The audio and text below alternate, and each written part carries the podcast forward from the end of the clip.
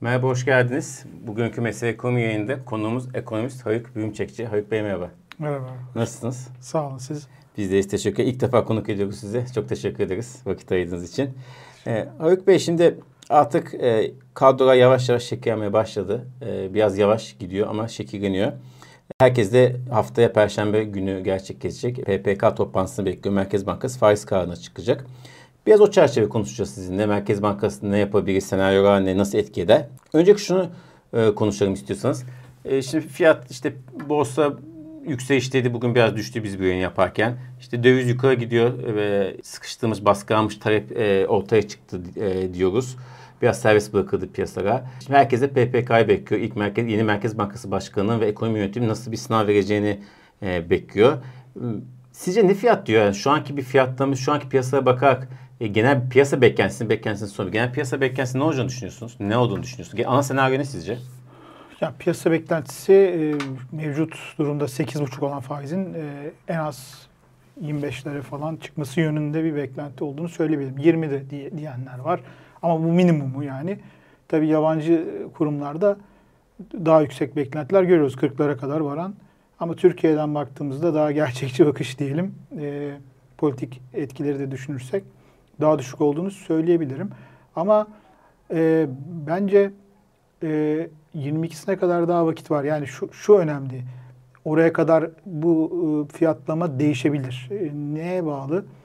Bir atama oldu evet doğru Merkez Bankası'na ama Merkez Bankası'nın bir de karar alım süreçlerinde tabii para politikası kurulu diye bir şey var. Başkan yardımcıları var. Bunların hepsi tabii kurula üye. E, bağımsız üyeler var. E, dışarıdan atananlar var. Banka meclisi var. E, bunlarla ilgili de piyasa aslında e, değişimler görmek istiyor diyebiliriz. Yani piyasa e, bu son atamalarda özellikle Merkez Bankası Başkanı'ndan e, beklediğini gördü ama mesela BDDK ataması da kafaları karıştırdı. Yani eski Merkez Bankası Başkanı'ndaki politikaların, önceki dönem politikaların e, mimarı veya uygulayıcısı evet. diyelim, e, iyi uygulayıcısı diyelim. Bankalar üzerindeki makro ihtiyati düzenlemelerin. Onu görünce bir şaşırdı. Hatta BDDK'da görünce daha da bir şaşırdı ve bir olumsuz tepki verdiğini gördük. O yüzden bence bu atamalar da e, önemli olacaktır. Ha hiçbir şey değişmiyorsa o zaman yine normal makul politikalara dönüş konusunda yine kafalar karışacaktır veya dönüşün yavaş olacağını düşünecektir. Bu da ayrı bir fiyatlama getirebilir. Buralardaki olumsuzluklar e, beklenecek faizi yükseltecektir aslında. Yani daha doğrusu faizin ihtiyaç olan fa ihtiyaç faizini yükseltecektir ama gerçekleşme dolayısıyla bunu karşılamaktan uzak olma ihtimali çok daha yükselecektir. Dolayısıyla bunun olumsuz etkileri kurlarda gözlenebilir. Ee, bunun dışında da buraya gelmeden eğer mevcut kurulla toplanacaksa mesela o da ayrı bir konu. Ama mevcut kurulla toplanırken de başkan bir mesaj da verebilir bu süreçte. Yani 22'sine kadar beklemeyip bir e, iletişim kanalıyla yani bu ne olabilir? Nasıl ne diyeyim e, Anadolu Ajansı üzerinden geçmişte tercih ediliyordu. Evet. Oraya bir demeç verebilir. Mesela onun bir hazırlığı arka planda belki evet. yürüyordur. Veya bir ekonomistlerle bir toplantı yapıp orada verebilir. E, gibi gibi yani bunu sinyal verecek. Sinyal gibi. verebilir. Yani evet. vermesi aslında iyi olur.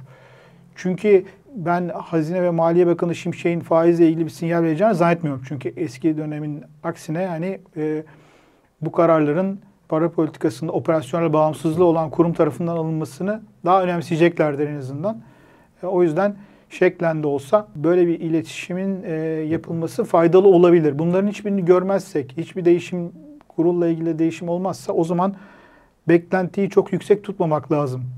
22 Haziran'da oturup karar verildiğinde. Ama yine de e, bu haliyle bile e, 20-25'lere doğru bir yükseliş e, çok sürpriz olmaz. Şimdi 20-25 e, diyorsunuz da politik faizden bahsediyoruz değil Tabii mi? Tabii ki aynen. Şimdi eskiden e, birkaç dönem öncesinde e, işte geçici kite penceresi, e, bant uygulaması, üst bant alt bant bunlara da e, şahit olmuş. Öyle bir yöntem denebilir mi? Yani şöyle olmaz ama e, koridorun genişliği korunabilir. Şöyle olmaz dediğim hani 8.5'u 10 yaptım ama üst koridorun üstünü daha açtım. Oraya 25 yaptım. Bu şekilde olmaz bence. Ama politika faizini diyelim 20-25'e doğru çıkardıktan sonra şu anda koridorun genişliği e, toplam genişliği 600 yani 300 yukarıda 300 aşağıda. bu korunduğu bir şey olabilir. Bu bunu korumakta fayda olabilir. Çünkü o size ilave bir esneklik verir. E, yaptığınız artış yeterli bulunmazsa ki büyük ihtimalle bulunmayabilir. Şey yapabilir. Yani şöyle diyeyim. E, aslında bunun devamında da e, seviyeler falan tabii faiz seviyesi çok önemli. Yani ama şu anda e, piyasa faizleri diyelim mevduattır, kredidir, tahvil faizleri bundan zaten çok kopuk düzeyde. O yüzden eski belirleyiciliği faizin, politika faizin yok diyebiliriz. Tam da, tam da şunu sorayım. Tabii ki. Şimdi mevduat faizi 40, yüzde 40 verenler var. Yani, yani yansıyan o hatta daha üst yüksek mevduata daha da yükseğe çıkıyor. Kredi faizinin yüzde 60'lara dayandığını biliyoruz. Politika faizi söylediğiniz gibi zaten 8 ondan kopuk bir vaziyette. Şimdi konuşulan yani Merkez Bankası politika faizini yükselteceği den, denilen seviyenin hepsi bunların altında. Yani genel kanı işte dediğiniz gibi 20, 25. Çok maksimum belki 30. Ve şöyle bir fikir var. Zaten politika faizi buna yakın sayacak ama geçmeyecek. O yüzden de piyasada iş, piyasada işlem yapan faizler üzerine bir etkisi çok da olmayacak. Bu böyle miydi? Yoksa e, burada ciddi bir artış ne olursa olsun hem mevduat hem de kredi tarafındaki faizleri yukarı doğru baskılayacak mıdır? E, şimdi onun bir e, bankalar açısından ufak da olsa bir maliyet etkisi olacaktır. Ufak dediğim şöyle çünkü yaklaşık 1 trilyonu bu 8,5 faizden fonluyor bankalara veriyor. Ama dediğiniz 40'lı faizler esas mevduat maliyeti daha büyük finansman kaynağı olduğu için daha büyük maliyetin o oluşturuyor. Zaten o maliyet pahalanmış durumda. Dolayısıyla bu 8,5'luk kısmı yani 1 trilyonluk şeyin yeni fiyatının ne olacağı tabii ki bir etki edecektir. Ama o etki yani ben de katılıyorum ona. E, mevduat maliyetleri, mevduat fiyatlamasını çok çok yükselteceğini zannetmiyorum. Yani burası 15 puan arttı diye orada öyle bir artış görmeyiz. Ama üç, birkaç puanla sınırlı artışlar gözlenebilir.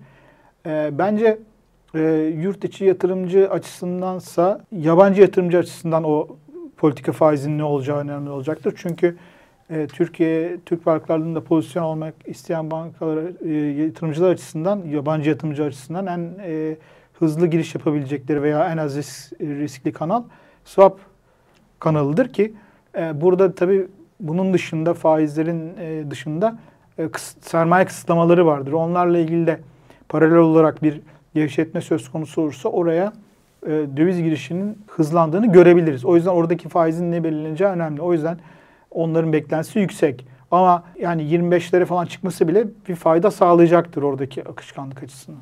Peki şimdi döviz yukarı gidiyor zaten. İşte 23.6 evet. şu an için. Göreceğiz ne kadar yükseleceğini. Faiz de artacak. Ana senaryomuz bu.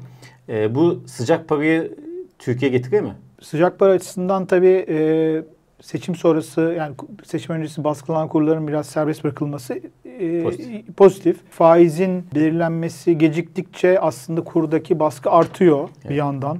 Beklentiler falan. Ama faiz tabii en önemli belirleyicidir. Kur açısından da öyledir. O doğru denge sağlanırsa ama sağlanmayabilir. Yani biraz altında da kalabilir.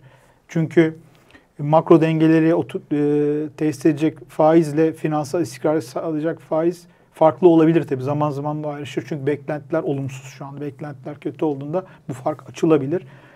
E, o yüzden orası biraz karmaşık olacaktır. Ama e, en azından e, böyle bir artış e, olursa e, ele kurların e, belli bir seviyeye geldiğini e, düşünürsek ki aslında e, reel kur olarak baktığımızda çok da TL'de bir aşırı değerlenmeye yani kağıt üstünde işaret etmiyordu. O yüzden bu seviyeler yabancı açısından TL pozisyon almak için e, cazibesi daha yüksek diyebilirim ama bunun bir garantisi yok. Programa da biraz güvenmesi lazım. Yani o tam, tüm pakete bakmak hı lazım. Yani diğer unsurlarda ne yapılacak, diğer unsurlar nasıl gevşetilecek, atlamalar nasıl olacak falan gibi. Tek başına yoksa büyük bir e, giriş sağlamaz. Özellikle belki swap kanalından sağlasa da diğer taraflarda çok göremeyiz. Ne, ne bileyim tahvillerde göremeyiz gibi. Anladım. Evet. Peki ya şimdi hızlı hızlı gidiyoruz. Biraz da siz bulmuşken rezerv konuşalım. Yani sizin e, en çok e, bilinen yerinizden birisi rezerv hakkında yazdıklarınız malum. Şimdi e, son arada çok ciddi bir rezerv satışı oldu. İşte ayda 12 milyar dolara yakın rezerv satışı olduğu söyleniyor. Nisan'da ve e, Mayıs'ta son, toplamda çok daha fazla. Toplamda evet, evet iki, Aralık'tan 2020'den ve 200 milyar dolara yakın bir benim bugün okuduğum e, rezerv satışı olduğu söyleniyor. Konuşuluyor. Rakamda onu söylüyor. E, biz bu rezervi ne zaman yeni koymaya başlayacağız? Başlarız. Şimdi rezerv konusu aslında çok eskilere gidiyor rezerv satış. Yani ben e, bunun 2019'dan beri takip ediyorum. Yerel seçimler öncesinde başladı. Ama ilk başta tabii brüt olarak ne satıldığı önemliydi tabii o zaman. Ama bir noktadan sonra şöyle bir hale geldi tabii. E, Merkez Bankası'na e, döviz girişleri de çünkü çok arttı. O yüzden e, sistemde şöyle bir şey olduğu için gelen döviz girişlerinin dönüp piyasaya verildiği bir sistem olduğu için brütte ne olduğu önemli değil. Çünkü gelenler de var. Yani ihracattan aldıklarınız var. Kur korumalıdan aldıklarınız var. Bunlar da bir şey. E, bunlar geliyor, çıkıyor. Tamam, gelen çıkıyorsa sorun yok. Yani yani piyasanın sistemin dönmesini karşılıyorsa hiç sorun yok. Zaten belli aylar böyle oldu. Mesela çok Ocak, Şubat, Mart'ta çok konuşmadık kurları falan. Ama niye, ne zaman konuştuk? Nisan ve Mayıs'ta çok konuştuk. Niye? Çünkü gelenler gidenleri karşılamamaya başladı. O zaman işte bu 200 rakamlarını ben artık mesela zikretmiyorum. Çünkü zaten e, o satışların olduğu belli. Ama mühim olan nette ne oluyor? Yetiyor mu? Yetmiyorsa o zaman ne oluyor? Çünkü Nasıl? onun net rezervlerini veya bu döviz pozisyonunu bozmaya başlıyor. Bunu da Nisan'da ve Mayıs'ta gördük. Yani o, ben öyle izliyorum artık. Ve bunun çok açıldığı, çok kayıp olduğu Nisan ve Mayıs seçime kadar diyelim. O zaman zaten hem serbest piyasayla makasların çok açıldığını gördük. Hem yeni e, kısıtlamaların geldiği günleri yaşadık. Sonrasında seçim sonrasında biraz o satışlar azaldı. Net satışlar da azaldı. Brüt devam ediyordur dediğim gibi. Gelen ihracatçıdan şeyler kullanılıyordur KKM'den gelenler. Ama mesela geçen hafta çok enteresandı tabii. Mesela bir günde bir yüzde yedi sekiz değer kayboldu. Mesela o gün tam neler oldu bilmiyoruz. Hani şöyle algılamalar üzerinden yürüyoruz. Piyasa değer kaybı olduğunda merkez demek ki fazla satmıyor. İşte hiç satmıyor da demiyor ama çünkü hiç satmıyor olamaz yani. Çünkü bir sistem var yani onun devam ediyor. Çünkü kısıtlamalar da var. Ee, o yedisinde ne oldu? Hani hiç mi e, piyasaya arz vermedi falan şey. Bunların cevabını ben de bilmiyorum ama ondan sonra ne oldu? Tekrar bir görece sakinlik evet, görüyoruz. Evet. Demek ki ama ben rakamlara bakınca haftalık olarak mesela o haftada da nette kayıp olduğunu gördüm. Yaklaşık bir milyar, bir milyar dolar falan kayıp var. Yani gelenler evet. hepsi satılmış. Hatta üzerine bir milyar daha gitmiş gibi gözüküyor.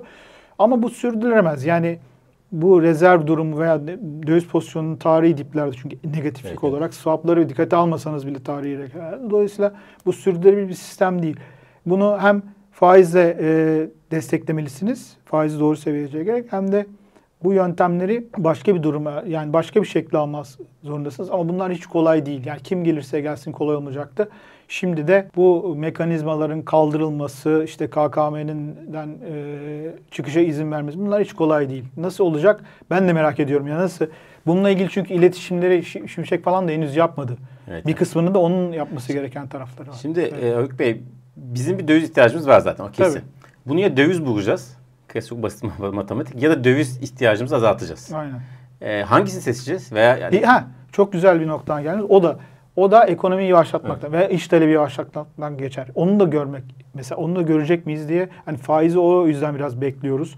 Gerçi faiz zaten yüksek kredi faizi falan o ya ama e, zaten doğrusu kredi arzı olmayınca bir anlamı olmuyor. Kredi arzının arttığı ama maliyetinin yükseldiği bir geçiş olacak mesela buna da bakacağız. Veya iş talebi gerçekten e, tabii seçim var bunun farkındayım ama hani yine de çok aşırı e, iş talebi pompalamamız gerekmez böyle yerel seçimler için.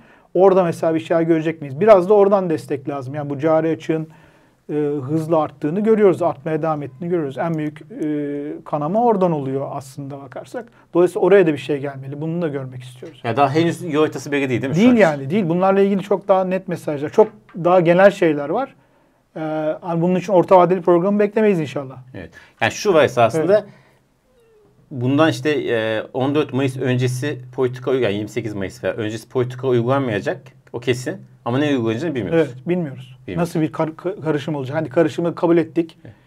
Kimse hani tamamen böyle saf bir e, ortodoks politika, normal politika beklemiyor. Peki. Karışım kabul ettik ama o karışım Hangisi ağır bu? %70, %30 mu? %50, evet. 50 mi? Onları o da önemli bir şey. Tabii, çok önemli. Son olarak şunu sorayım. Ee, yine e, sizden bir cevap rica edeyim. Tüm bu senaryolar gerçekleştiğikken ani duş yaşayabilir miyiz? O ihtimal dahilinde mi ekonomide? Ani duş hani e, şu da anlamda herhalde. Döviz karşılamıyoruz o ihtiyacı evet. e, gibi bir ödemeleri yapamıyoruz falan gibi. Veya çok ciddi faiz attığımı ve hani kredi tamamen kesilmesi Hı. gibi ekonomide. Ee, Çarkların dönmemesi yani. Yok Resim. o olmaz. Türkiye'de kolay kolay uçakların dönmesi veya kredi e, faizi yüksekliği nedeniyle o, o tip şeyler olacağını beklemiyorum. döviz tarafı daha riskli.